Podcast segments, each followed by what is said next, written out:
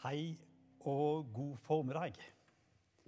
Da jeg var en ganske ung predikant og studerte til å bli pastor på Ansgarskolen, så var jeg på en menighetspraksis. Da fikk jeg bl.a. Eh, en utfordring eller invitasjon til å ha andakt på et eldretreff, et formiddagstreff. Og jeg husker jeg grubla mye på hva skal jeg si til den forsamlingen. De har levd i mange år, de har sikkert hørt så mange taler og hvis jeg skal finne noe å si til deg, så må jeg prøve å finne på litt sånt eh, avansert og, og vanskelig. Eh, og jeg tenkte sånn at eh, mange av dem de har ikke bare levd lenge, men de har kanskje vært kristne mer enn både to og tre ganger lenger enn jeg har levd. Jeg følte meg litt mindreverdig. Så jeg forsøkte å grave frem noe som jeg eh, syntes var ganske avansert og vanskelig, sånn som jeg så for meg. Og så delte jeg det. Jeg husker ikke helt hva temaet var, men jeg husker at det var bare begrensa entusiasme fra forsamlingen. Så da jeg gikk ut fra, den, eh, fra det møtet, så, eh, så, var jeg nok litt eh, duknakka. Men jeg hadde en eldre og mer erfaren pastor som tok en god prat med meg etterpå. Og han sa nå skal du høre, Per Ivar. De menneskene her de har levd en god stund, de har mye erfaringer. Og de har nok mer bak seg enn foran seg. Og det de trenger kanskje aller mest, det er å få en bekreftelse på at det de har levd for og trodd på hele livet sitt, at det holder hele veien. Så fokuser på det. Det syns jeg var et godt råd. Eh, og er ikke lenger så opptatt av å gjøre ting så avansert og vanskelig, men å finne sannheter i Guds ord og dele det. Og I dag så er tema det kristne håp. Det som ennå ligger foran. Hva som skjer etter dette livet og videre inn i evigheten. Vi fikk akkurat lest en tekst fra Johannes evangelium, kapittel 14, vers 1-6. Eh, jeg vet ikke om du noen gang har vært i et møte eller en forsamling Eh, og så plutselig så føler du at oh, oh, Hva var det han sa nå? Var det noe jeg gikk glipp av? Og så kvier du deg kanskje litt for å rekke opp hånda for å spørre, av frykt litt sånn for å dumme deg ut, eller noe sånt. Eh, jeg har nok kjent på det noen ganger og tenker alle de andre har nok fått det med seg. Eh, da Jesus delte denne teksten, så sier han plutselig at dit som jeg går, der vet dere veien. Heldigvis så er det en modige blant disiplene. For han sier ø, ø, Jeg syns nesten jeg ser han rekker opp hånda. Eh, han heter Thomas, da. Han sier, 'Herre, vi vet jo ikke hvor du går.' 'Hvordan kan vi vite veien?' Og Jeg tenker jeg er glad for han stilte det spørsmålet. For svaret det drar vi alle nytte av når Jesus da slår fast en gang for alle. Han sier at det er han som er veien, sannheten og livet. Så det det handler om, det er å holde seg nær til Jesus. Så enkelt og noen ganger så krevende som det kan være. Jesus er veien for alt det som ligger foran, som har med det kristne håp å gjøre. Vi fikk også høre i teksten at Jesus sier at 'jeg drar for å gjøre i stand et sted for dere'. Jeg, eh, jeg, har hørt en konsert en gang. Ikke der og da, men eh, sikkert på nettet og sånt. Og Det var en eh, sanger som heter Keith Green. Han ble dessverre ikke mer enn 28 år. Han døde i ei flyulykke som en ganske ung mann. Men han hadde et fantastisk flott vitnesbyrd Eh, på denne konserten. Han sa du vet, eh, Gud skapte verden på seks dager. Og se hvor fantastisk naturen er. Og her står det at han har dratt av sted for å gjøre i stand et sted for oss. Og nå har han holdt på med det i 2000 år. Det må jo bli helt fantastisk. Så hvordan blir det i himmelen? Hva vet vi om det? Det står om gullgater og perleport. Men jeg tenker litt sånn at eh, kanskje det er begreper som brukes i mangel på eh, noe bedre, fordi man kanskje ikke har begreper og muligheter til å skjønne hvordan det egentlig er på den andre sida. Men jeg tror vi kan være trygge på at det blir ganske bra. Fantastisk bra. Jeg eh, var litt for forsiktig der. Jeg har tenkt tanken eh, Jeg er far til fem gutter. Og så har jeg tenkt tanken, da. Tenk om jeg hadde hatt muligheten til å kommunisere med dem mens de ennå var i mors liv. Så la meg bruke han eldste som eksempel. Han heter Joakim.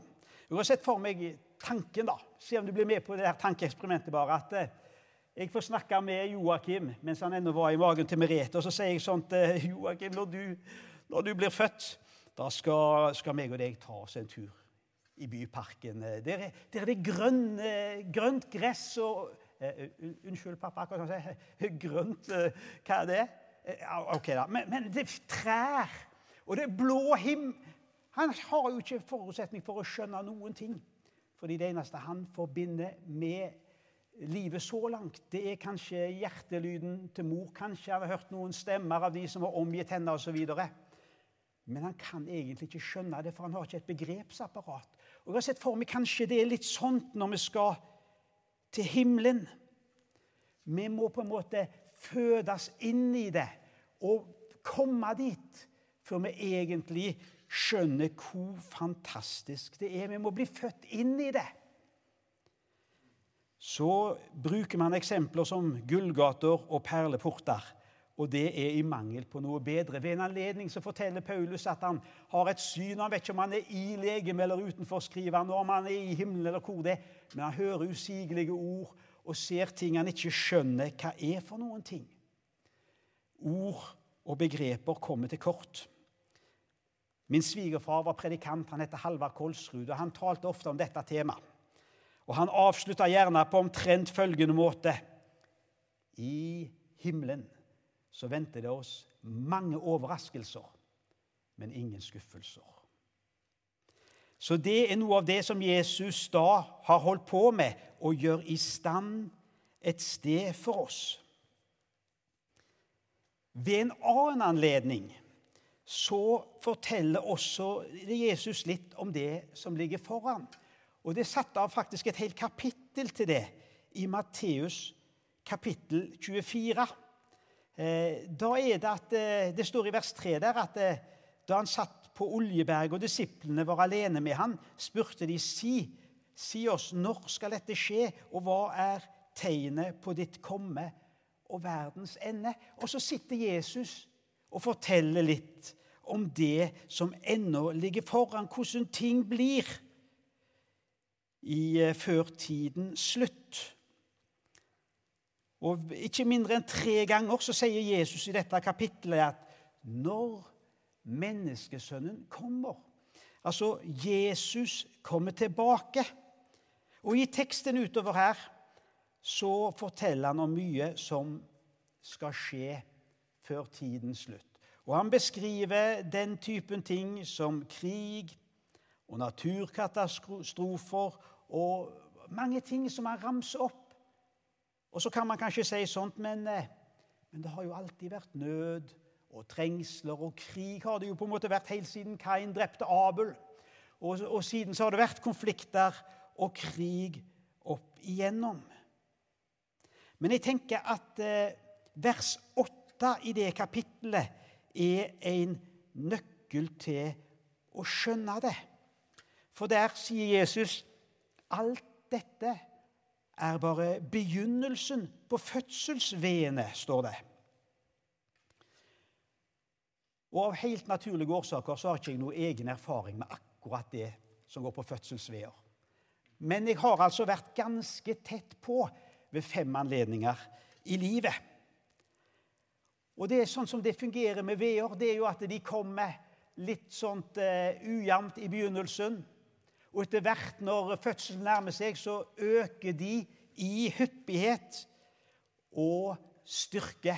Og til slutt så er det bare noen minutter imellom, og, og, eh, og, det, og smertene øker. og så kommer forløsningen. Da blir barnet født. En fantastisk opplevelse forresten å få være med på å være vitne til det som et under. Eh, og sånt vil det være med de tingene her. At det vil øke på det som har vært. Det vil på en måte bli mer til det. Og så trøster Jesus oss med men at det ser til at dere ikke lar dere skremme. Og han lover at han skal være med igjennom alle tider, oss og de tingene. Så sier han senere i kapittelet her Vær beredt, for jeg kommer i den time dere ikke venter det. Det er jammen mye som eh, vi ikke vet, som går på fremtida. Det var for noen måneder siden. Så satt vi rundt festdekka bord på nyttårsaften hjemme på Bleikmyr. Familien var samla. Og vi delte litt om forventningene til året som lå foran. Og vi hadde mange ting vi så frem til. Vi skulle bl.a. Eh, feire påsken i Jerusalem i år. Sånn ble det ikke. Og vi har alle sammen fått endra livet vårt. Kanskje noen i stor grad og andre i mindre grad, men alle har blitt berørt, ikke bare i Haugesund, ikke bare i Norge, men i hele verden. På grunn av noen veldig, veldig små mikroorganismer som velter veldig mye. Vi vet ikke så mye om det som skjer. Og ting øker på. Fødselsveene kommer tettere og blir gjerne sterkere da. Og på et tidspunkt som er det som Jesus sier her da tre ganger i dette kapittelet, at når menneskesønnen kommer, og menneskesønnen kommer når dere ikke venter det Det står det i vers 44. Vær beredt, som speiderne sier. Menneskesønnen kommer i den time dere ikke venter det. Så vi har altså fått sett litt på at Jesus sier hva han holder på med, nemlig å gjøre i stand et sted, fortelle om litt hva som skal skje før Jesu gjenkomst og tidens slutt. Og så er det ett bibelavsnitt til jeg vil si litt om, og det er i første Korinterbrev, kapittel 15. Det har gjerne fått eh, navnet oppstandelseskapittelet, for det fokuserer veldig på oppstandelsens betydning i forhold til det som skal skje siden. Eh, og Når Paulus skriver disse tingene i Korinterbrevet, så understreker han dette at alt står eller faller ved Jesu oppstandelse. Og Derfor så bruker han mye plass og tid på å underbygge det poenget i begynnelsen av kapittelet, fra vers 5 og utover. Han sier da Jesus sto opp, så viste han seg for Peter. Han viste seg for de tolv. Og i vers 6 han viste seg for mer enn 500 brødre på en gang. Og av dem lever de fleste. De gjør jo ikke det nå, men de gjorde det da. Underforstått sånt at eh, du kan jo dra av sted og snakke med dem. Det er troverdige menn som har vært vitne til at Jesus ikke bare døde, men sto opp igjen. Det er et viktig, viktig poeng. Helt avgjørende i den kristne tro, og det tar han opp i vers 14 i dette kapittelet. Hør bare. Er Kristus ikke stått opp, da er vårt budskap intet og troen meningsløst. Du verden, han maler med sterke farger men så konkluderer han da i vers 20, og der sier han Nå er Kristus stått opp fra de døde. Og han fortsetter som førstegrøden av dem som er sovnet inn. Førstegrøden var et uttrykk fra jordbruket. Og Det aller første man tok, det ga man til prestene. Han var førstemann, og så kommer liksom hovedhøsten. Det er alle oss andre som skal få oppleve oppstandelsen det som vi kaller for det kristne håp. Det er mange ulike tanker blant folk hvordan det blir etter dette livet. Og vi må vel kunne si at det, det handler vel strengt tatt om tro for oss alle. Enten man tenker at det er sjelevandring, eller at det er ingenting. Det er jo også noen som tenker altså Det er litt som på samme måten som før du ble født. Du gikk jo ikke da og tenkte på at du gjerne skulle bli det. Du var jo bare ikke der. Noen tenker at det er på den måten. Noen tenker at eh, vi får som fortjent. De snille og greie de kommer til himmelen, og de andre gjør det ikke. Og så videre. Kan hende har du, eller noen du kjenner da, noen kjære som har gått foran. Og man ser for seg at eh, man kan ha eh, ja, At på en måte de passer litt på oss. på en måte. De ser til oss. Man kan snakke med dem nesten. Ja, det er mange ulike varianter. Og det vi tror som kristne, det er jo også en tro. Dette med at eh, eh, vi tror at vi har evig liv. Men vet du, det som jeg mener er avgjørende, det er hva bygger vi troen på? Er det en film vi har sett? Er det en bok vi har lest? Noen som kanskje har hatt en nær døden-opplevelse, eller hva det måtte være? Vet du, jeg bygger det på det som står i Guds ord. Der Jesus sa at 'ditt 'dit jeg går, der vet dere veien'. Fordi jeg er veien. Og der at eh, Paulus vitner og forteller om den oppstandende Jesus og alle de tingene som vi nå har snakket om. Det er ikke nødvendigvis bare liksom hva man tror som, men hva er kilden til det? Og vi tror på det som står i denne boka. Helt avslutningsvis oppsummert så har jeg bare lyst til å sitere verset som står i Jakobs brev, kapittel 4, vers 8. Jakob det var Jesu kjødelige bror. Eh, og I sitt, sin bibelbok, kapittel 4, vers 8, så skriver han Hold deg nær til Gud, så vil Han holde seg nær til dere. Det er for det ene en utfordring gjennom alle ting å holde seg nær til Gud, og ikke la mange andre og alle andre ting ta all oppmerksomheten. Og så er det løftet som er det, i at Han vil holde seg nær til deg. Det er et løfte for tid og for evighet. Så Gud velsigne deg. Skal vi takke Jesus sammen? Takk, kjære Jesus, fordi at du døde, og du oppsto, og at vi skal få være sammen med deg i all evighet. Både når vi er her på jorda, og etterpå, så kan vi vite at eh, du vil holde deg nær til oss. Amen.